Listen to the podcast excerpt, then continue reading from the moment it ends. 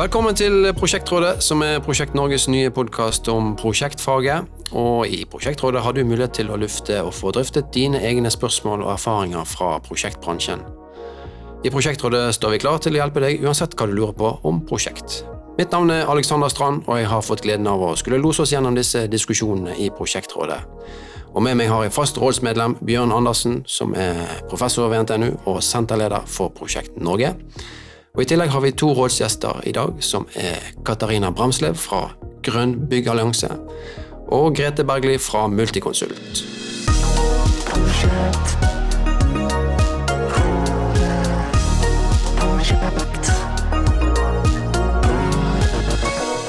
Velkommen, Katarina og Grete.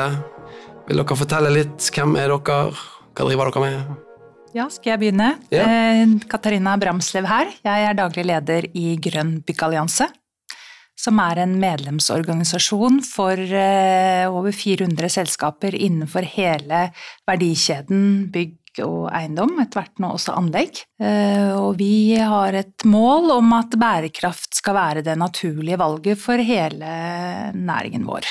Bra. Og du, Grete? Ja, mange takk. Jeg heter da Grete Bergli, er konsernsjef i Multiconsult. Vi er et konsern med litt over 3000 ansatte, hovedsete i Norge.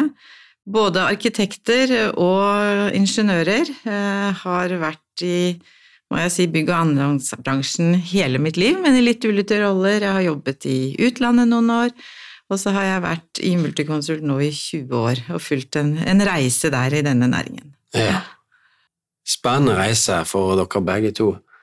Eh, og du Bjørn, vil du si litt hvem er du og Prosjekt Norge?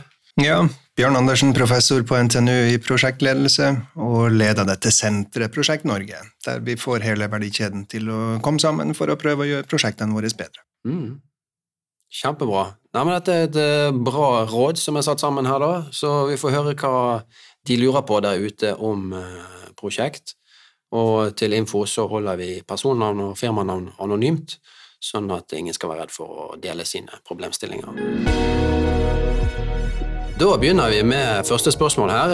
Hei, kjære prosjektrådet. Jeg er prosjektleder hos en byggherre, og vi har en separat kontrakt med PG, eller prosjekteringsgruppe, som det da heter, eh, som skal levere underlag til de utførende. PG sier fremdriften er i henhold til planen, men jeg har en mistanke om at de egentlig er et godt stykke bak. Hvordan kan jeg måle fremdrift på prosjekteringen? Dette her er jo et ganske stort eh, og kanskje vanskelige spørsmål. Eh, jeg vil kanskje utfordre deg, Grete, som eh, kommer fra Multiconsult. Har dere noe godt svar på dette? jeg har jo det.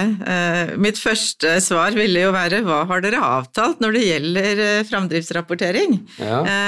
Og, for det er ganske viktig å greie å dele opp prosjekteringsfasene og de ulike fagene. Men jeg ville nok gått igjennom timerapporteringen de siste månedene. Både den perioden som man har lagt bak seg og akkumulert, for å se om er det i tråd med det budsjettet man hadde lagt seg opp til.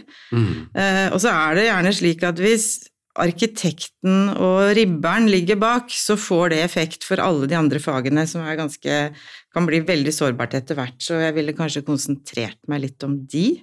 Mm. Um, og så er det hva er status på det man har levert, hvis man har levert noe? Uh, og dette er jo en av de store utfordringene når det gjelder prosjektering, og hvor det har skjedd veldig mye, tenker jeg, de siste årene. For man har skjønt at det er ikke bare de store milepælene, men det er de, de der delmilepælene på hvor skal vi være. Og mm. ofte kaller vi det modenhet. Ja. Så hvor modent er de ulike fagene? Og her har jo arkitektene, rådgiverne og entreprenørene faktisk blitt enige om en standard som heter modell modenhet-indeks. Mm. Eh, hvis du er så heldig at du prosjekterer i BIM-modell. Ja. og da har du faktisk et veldig godt verktøy du kan bruke eh, mm. og gå igjennom og se. Sett ja. deg ned med de ulike partene. Ja, altså jeg har jo vært eh, prosjekteringsleder mange ganger, og opplever uh, gjerne på spørsmål om uh, hvordan går det mm. med de prosjekterende, så får du gjerne svar jo, jeg er sånn 80% ferdig. Ja vel, mm. hvordan har du målt det? 80% ferdig, det viser seg ofte at det, det, da er det 80 igjen. Ja, ja. Det, var, det, var, litt trist å høre, da. Men jeg vil si at vi i hvert fall har mål av oss å være litt bedre enn det. Men jeg tror det er nok ikke så få som har hatt den erfaringen. Mm. Eh, og, og, men jeg vil også si at rådgiverbransjen har blitt mye flinkere til å greie å si noe om hvor de skal være på et gitt tidspunkt.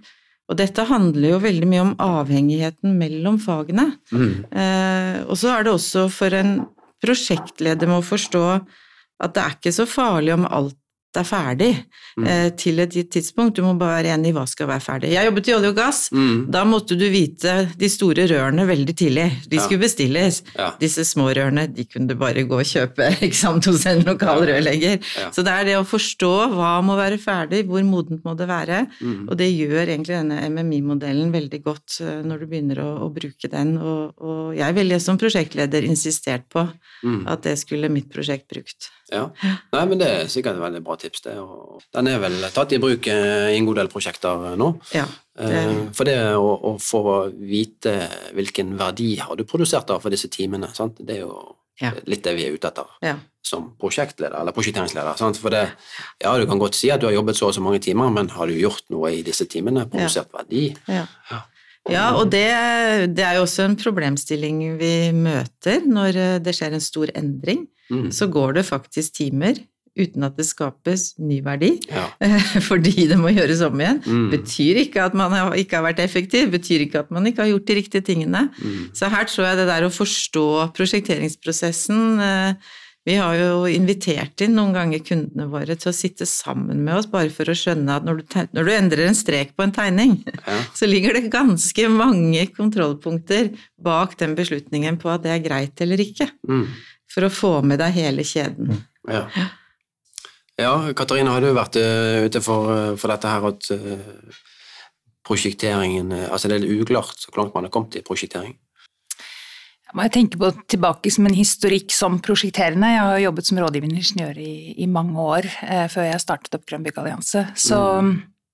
For 20 år siden, så det begynner jo å bli mange, mange år siden. Men, men allikevel så tenker jeg å tillegge dette er jo Grete mye mer hands on på nye verktøy og sånn enn en meg. Men, men de prosjektene jeg jobbet i som mest vellykket, det var jo også der eh, de prosjekterende hadde tett dialog underveis, sånn at man hindret at man satt for lenge alene på hver sin kant. Mm.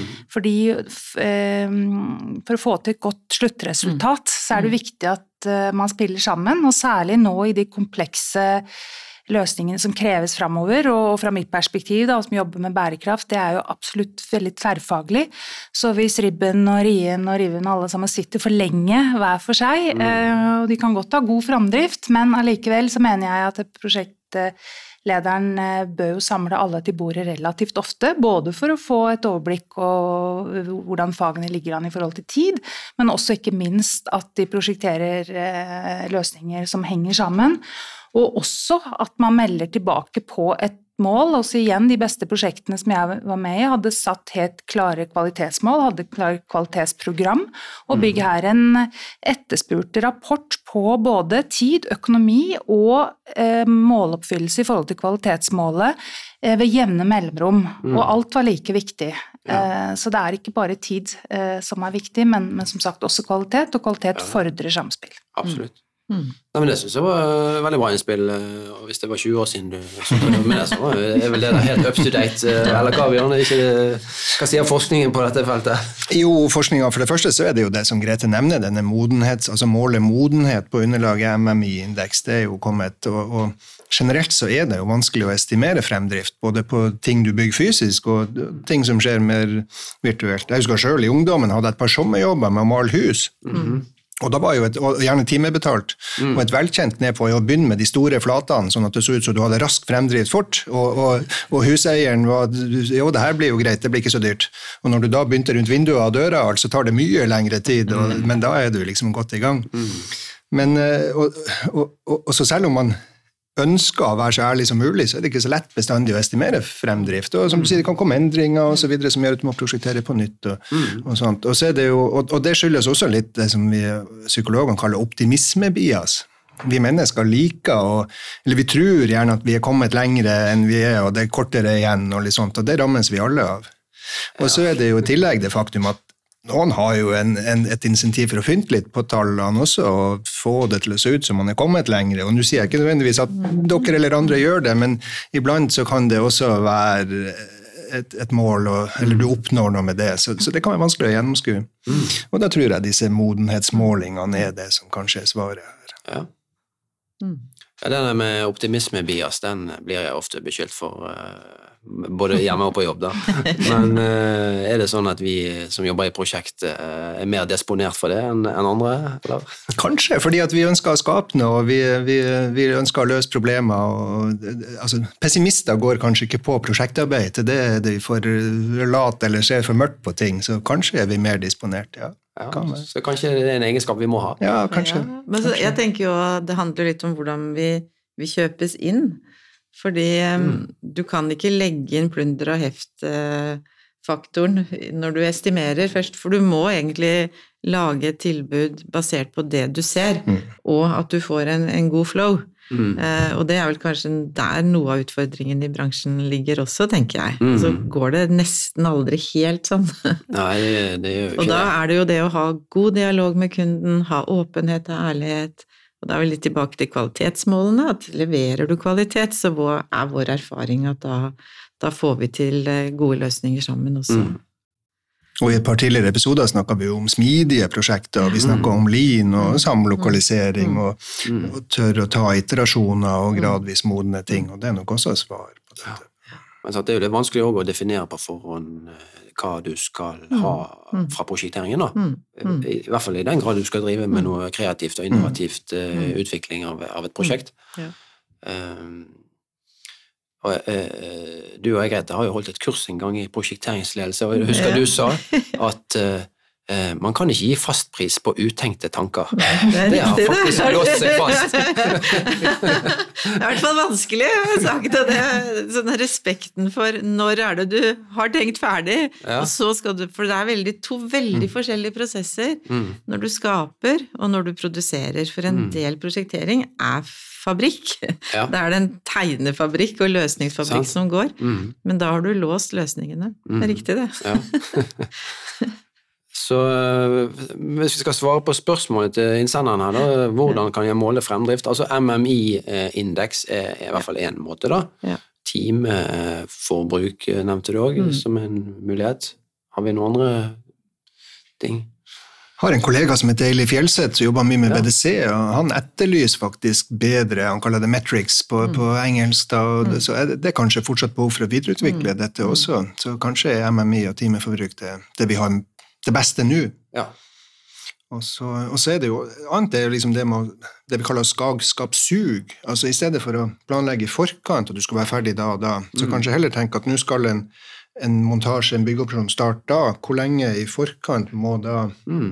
tegninga være klart, eller modellene må suge de etter seg på ja, en måte? For da unngår du dette, denne, denne milepælstenkninga som alltid blir feil, nesten. Mm. Da får du en mer dynamikk i dette. Det er jo òg eh, Apropos lin, det er jo ja, ja. et godt prinsipp. Da. Mm. Jeg tror nok det der, eh, disse delleveransene altså bruke rapportene, bruke ditt og si hvor langt har du kommet mm. eh, knytta til ditt fag nå, mm. og se at det ligger noe ferdig produkt der. Mm. I gamle dager så brukte vi å kalle det sånne persienneplaner. Alt starta likt og slutta likt. Ja. det har vi blitt mye flinkere til nå, å dele det opp i, i dele, delpakker, da. Ja. Og da var det nesten helt umulig å vite hvor du var. Mm. Ja. men bra. Jeg tror eh, vi oppsummerer da med, med MMI og timeforbruk. I hvert fall det vi har best så langt. Eh, og selvfølgelig prøver å, å, finne ut av hvor mye er det produsert for disse timene. Mm. Og så blir det kanskje noe mer forskning på, på måling, da. Ja. Bra. Eh, vi hopper videre til neste spørsmål. Eh, og Det handler om bærekraftige prosjekter. Hei, Prosjektrådet. Jeg vil gjerne at Prosjekt Norge snakker mer om bærekraftige prosjekter. Hva skal til for at et prosjekt er bærekraftig? Det er vel i utgangspunktet ikke bærekraftig å bygge. Skal vi bare slutte å bygge for å slutte å forurense? hva sier Grønn byggallianse om det? Skal vi slutte å bygge? Ja, men det er ikke så utopisk som, mm. som, du sier. Altså, det vil nesten alltid være mer miljøvennlig å rehabilitere og ta mm. vare på eksisterende bygg, enn, eh, og for så vidt anlegg og veier også, enn, eh, enn å bygge nytt. Mm. Eh, både reduserer du klimagassutslippene, altså fordi du slipper å produsere nye materialer, ehm, og du kan energieffektivisere ganske mye, og det er sjelden Det tar i hvert fall veldig lang tid før eh, du har tatt igjen eh, den ekstra energisparingen du klarer på et nybygg i forhold til de utslippene som er knyttet til både produksjon og transport av nye materialer og selve byggeplassarbeidene. Så på klima så er det nesten alltid eh, best å, å, å, ta vare på. Og hvis man ikke kan ta vare på alt, hvis man i hvert fall tar vare på grunn og fundamenter, og kanskje også helst bærekonstruksjon, så har du kommet veldig langt.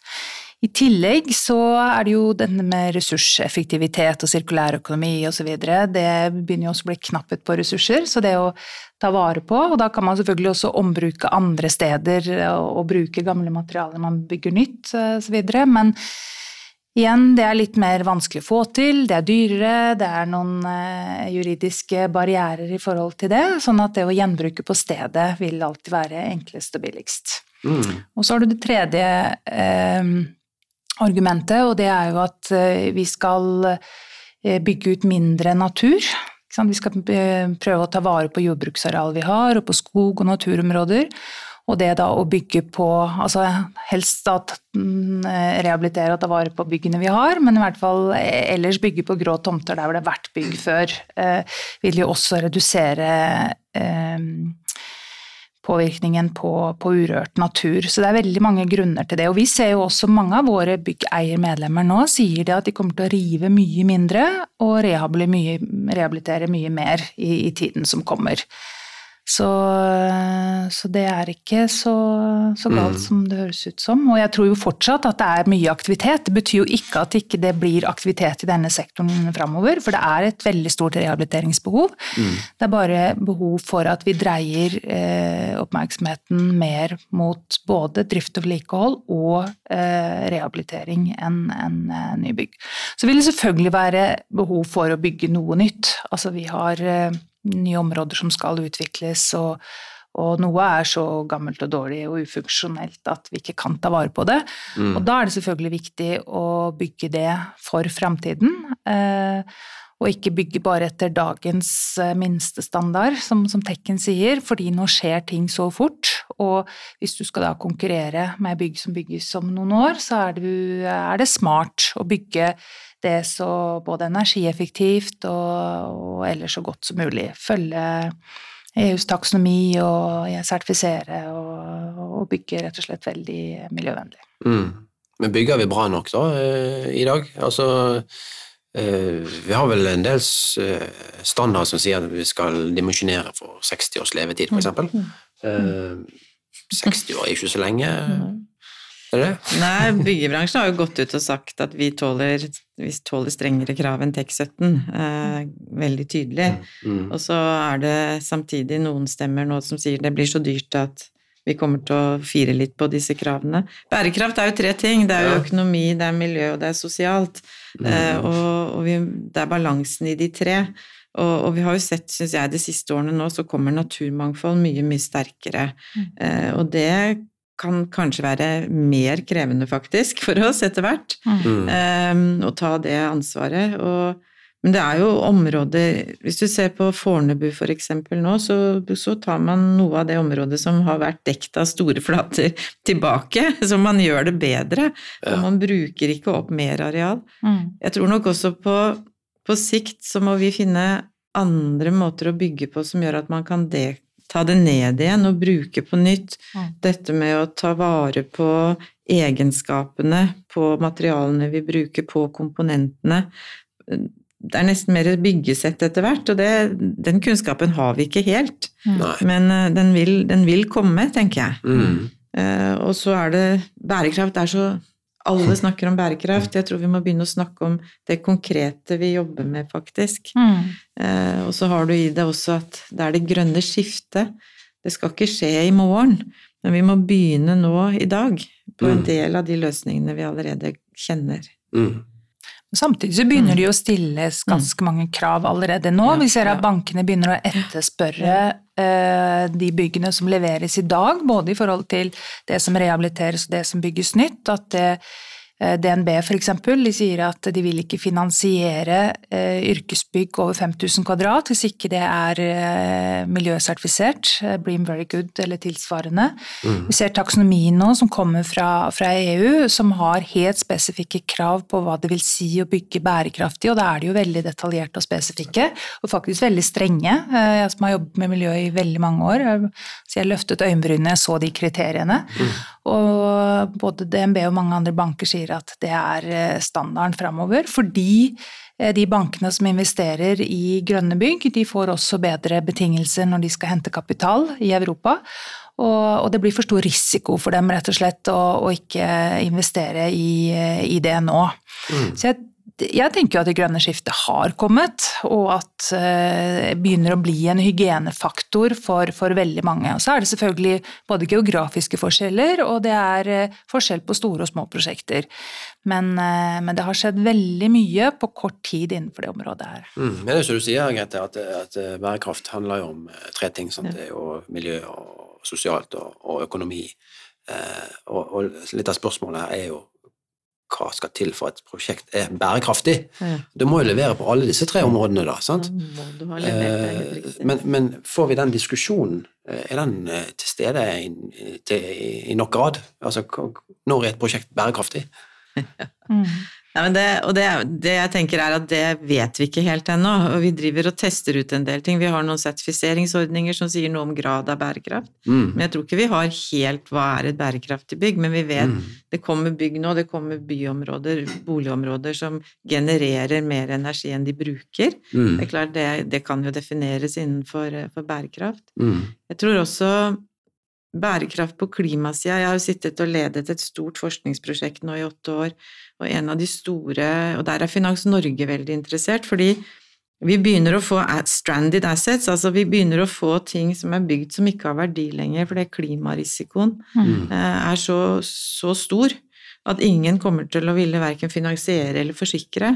Eh, og det er i hvert fall ikke bærekraftig. Nei.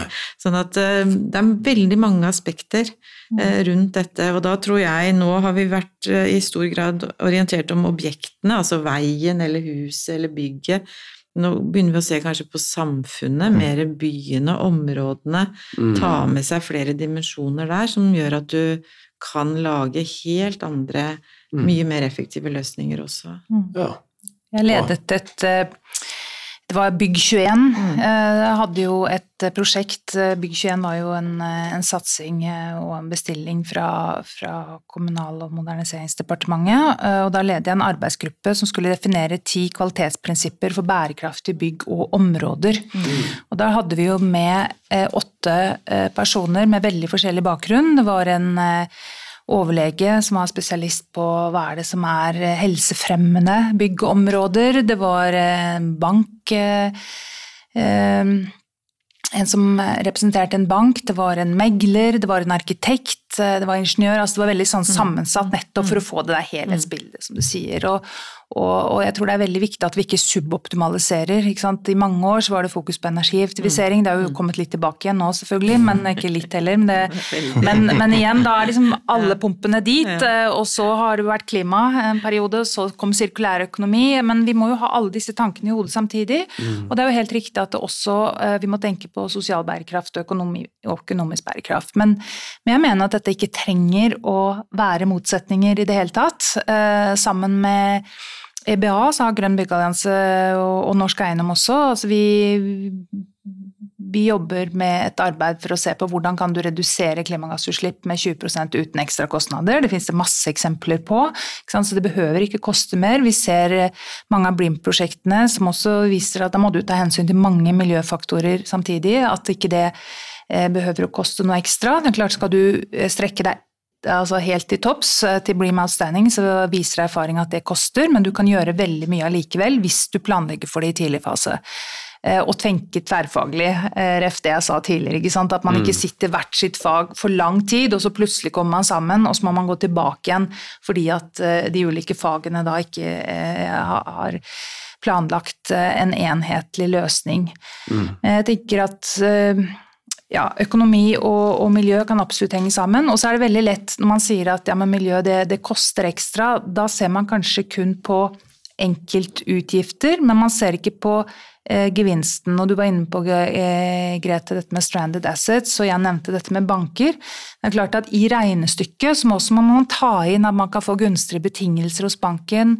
Eh, yielden, vi ser at hvis du regner på, på verdien av bygget eller, eller, eller på gilden, så, så, vet du at eh, det, man begynner nå å legge inn nettopp det at bygget ditt er Eh, mer attraktivt i et fremtidig marked. ikke sant? Sånn at vi har, mm. altså Jeg er veldig opptatt av at regnestykkene har med seg helheten.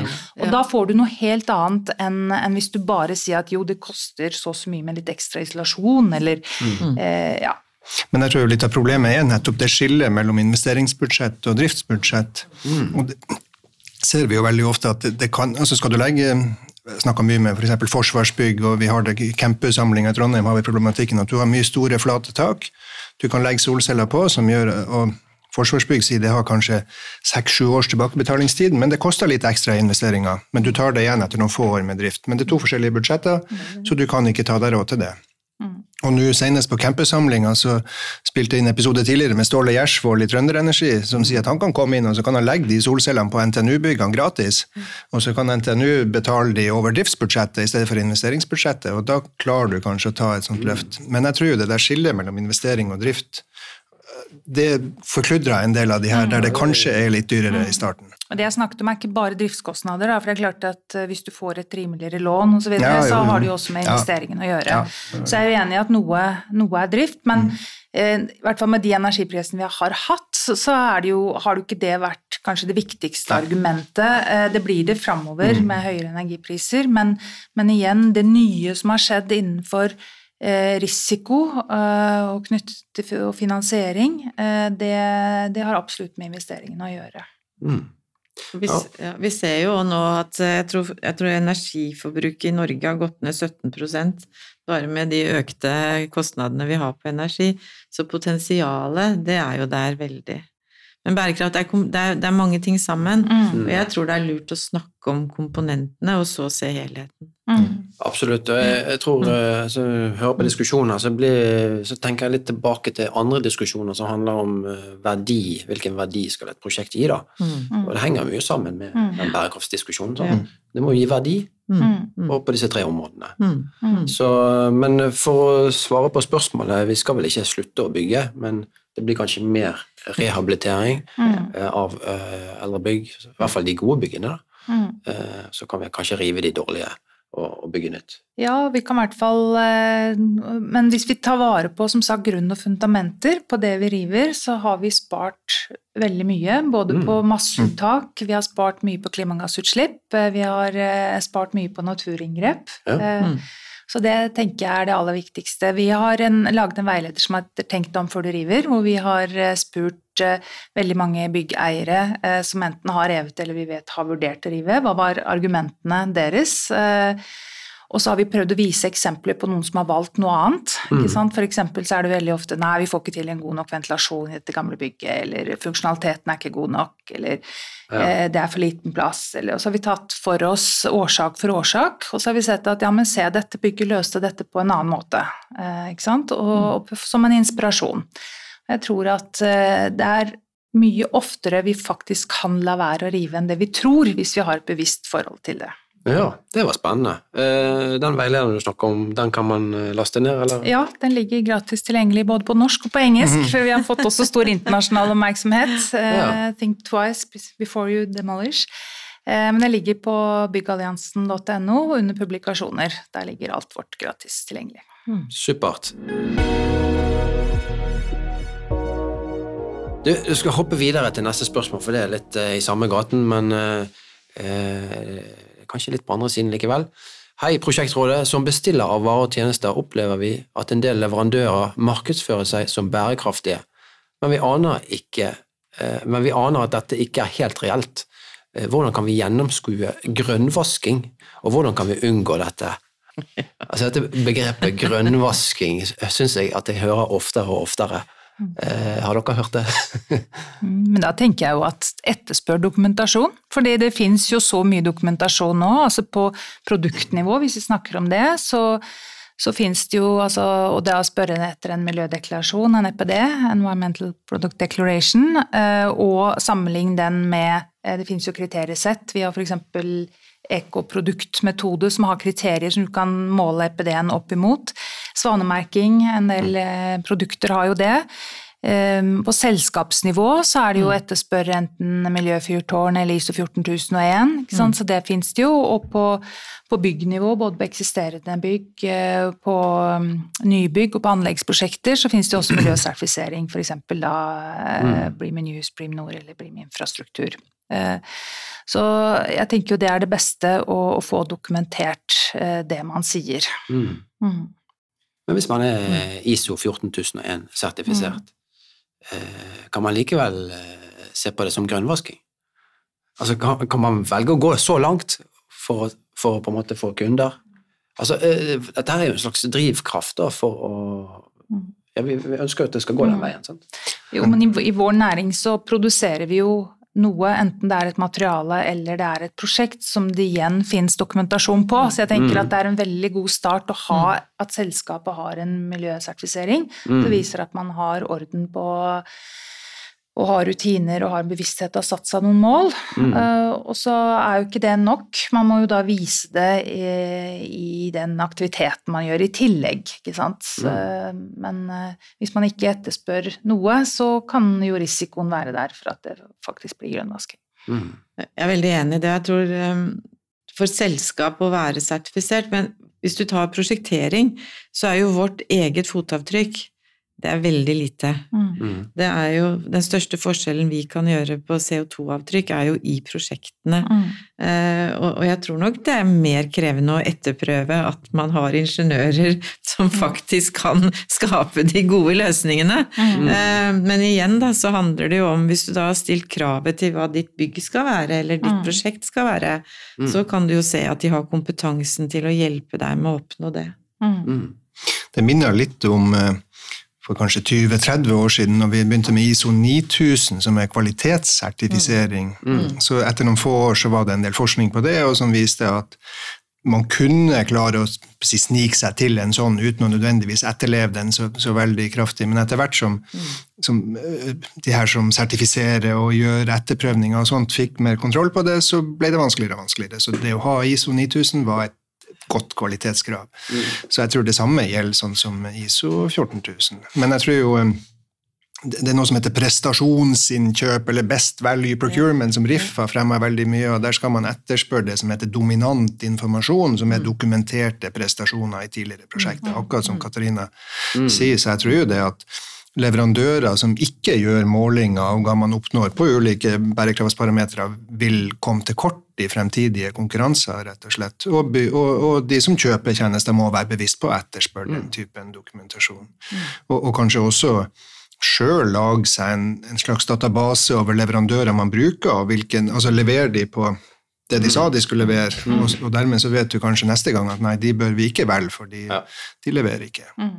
Eh, er det forsket noe på grønnvasking? Er det utbredt? Akkurat det kjenner jeg ikke godt nok til, Nei. men eh, det, det, kan det nok eh, fort være. At det er, det er alltid noen som prøver å lure et eller annet system. Mm. Vi har jo Skift, som ja. er et nettverk. De har jo i hvert fall lagd en grønnvaskingsplakat. Ja. sånn at der kan man jo gå inn og se er hvis selskapet er medlem av Skift, så mm. har man faktisk signert på grønnvaskingsplakaten. Mm. Ja. For det ble en ganske sånn eh, viktig problemstilling, da. Mm. Ja.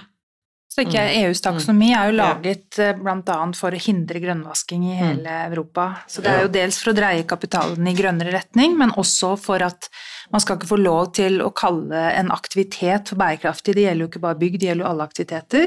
Mm. Uten at man da følger taksonomiens som sagt veldig spesifikke og strenge kriterier. Mm. Så jeg tenker at det også eh, vil eh, bidra til å, å hindre grønnvasking.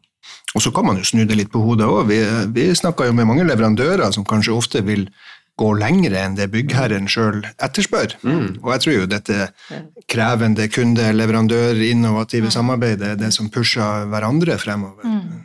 Mm. Vi hadde et prosjekt for noen år siden som vi kalte Grønt i oppdrag, altså grønt i prosjektene våre. Fordi eh, vi har jo en visjon som er ganske ambisiøs på dette med bærekraft. Og det å tvinge hver eneste prosjektleder til å stille kunden spørsmålet hva er din bærekraftsambisjon, men det vi så, var at vi må veilede de på hva den burde være. Mm. For det er ikke så lett for alle. Det er jo mange, Vi snakker jo her litt om store prosjekter, proffe, men det er veldig mange små byggherrer mm. som ikke klarer å svare på det spørsmålet selv. Så det å mm. bygge den kompetansen da inn i selskapene, det har vi ansett som ganske viktig.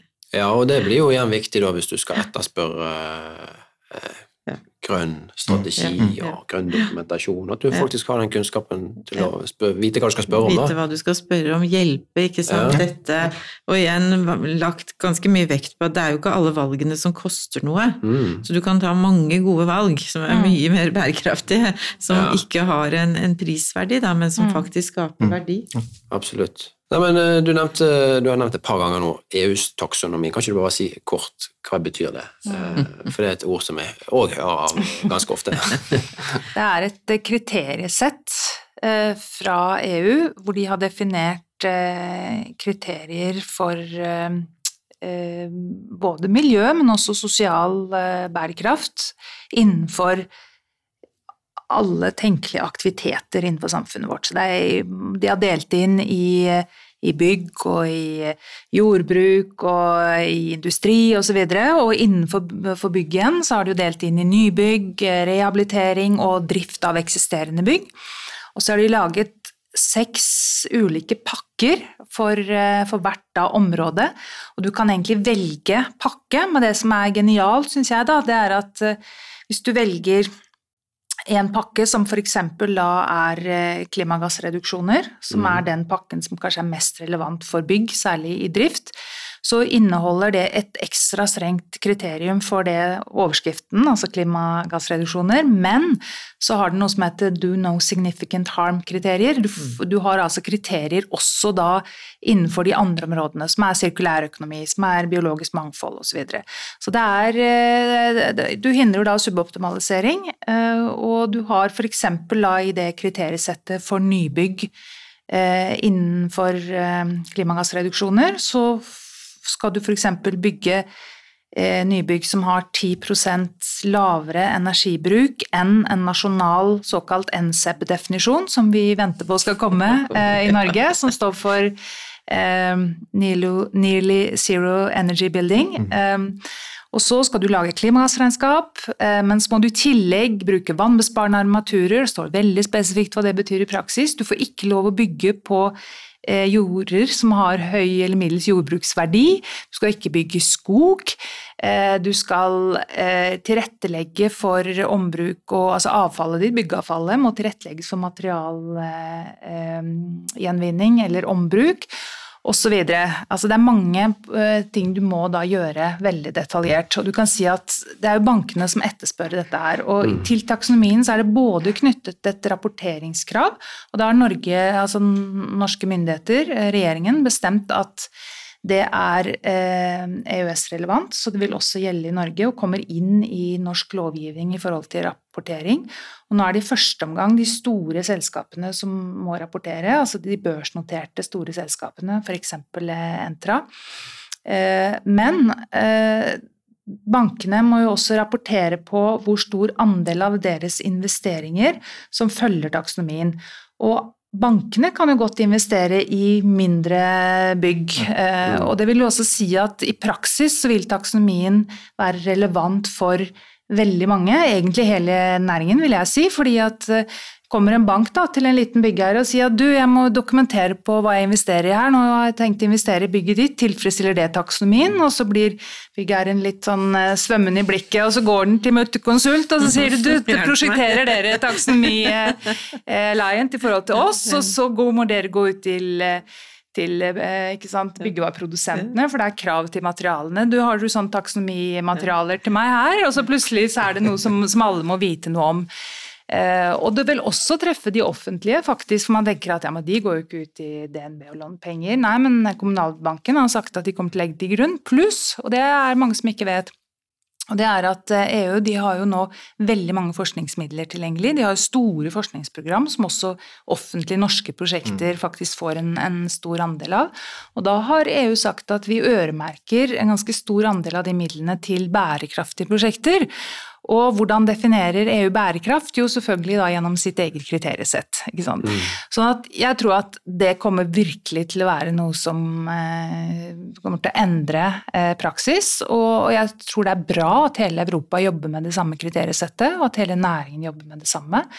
Og i, eh, i Grønn byggallianse så vi forvalter jo BREAM i Norge. Vi har implementert da taksonomien inn i siste versjon av BREAM, sånn at bankene kan bruke det som en dokumentasjon. Bra. Jeg, jeg tror vi må stoppe i det der. jeg, eh, jeg angrer kanskje litt på spørsmålet, for det skulle be deg fortelle kort om det. Men jeg skjønner at det går ikke an å snakke kort om. Eh, så kanskje vi burde ha en egen episode ja, bare om taksonomi. Ja, Vi kan i hvert fall fortelle alle som hører på at eh, det er bare å lære seg taksonomien. vi er jo et børsnotert selskap, så vi nå er det utsatt et år, men vi ville hatt krav i år på å mm. rapportere. Og så er nok usikkerheten litt på hva, hva treffer oss som rådgivere. Mm. mm. Men det treffer i hvert fall de som produserer, og det treffer eh, byggherrene. Men kan vi kort oppsummere og si at dette er EUs definisjon på bærekraft? Ja. ja. Mm. Fantastisk.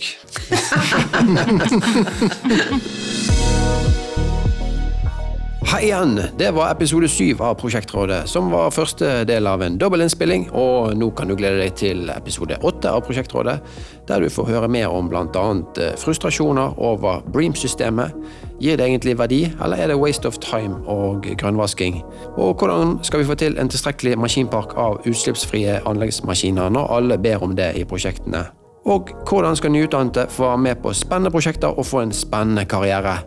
Glem ikke å abonnere på Prosjektrådet i din podkastspiller, så er du sikker på å få med deg alle episodene når de kommer ut. Prosjektrådet er Prosjekt Norge sin podkast om prosjektledelsesfaget og kobling til problemstillinger i praksis.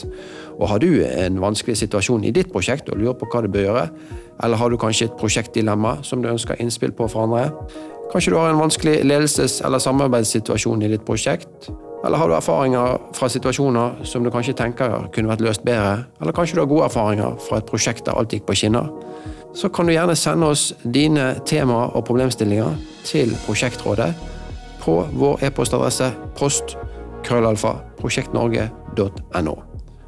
Lytt gjerne òg til vår søsterpodkast Prosjekteffektpodden, som du finner på prosjekteffekt.no, eller der du liker å høre podkast. Prosjektrådet er produsert i samarbeid med T2 Prosjekt, og mitt navn er Alexander Strand. Og jeg ser frem til vi høres i neste utgave av Prosjektrådet.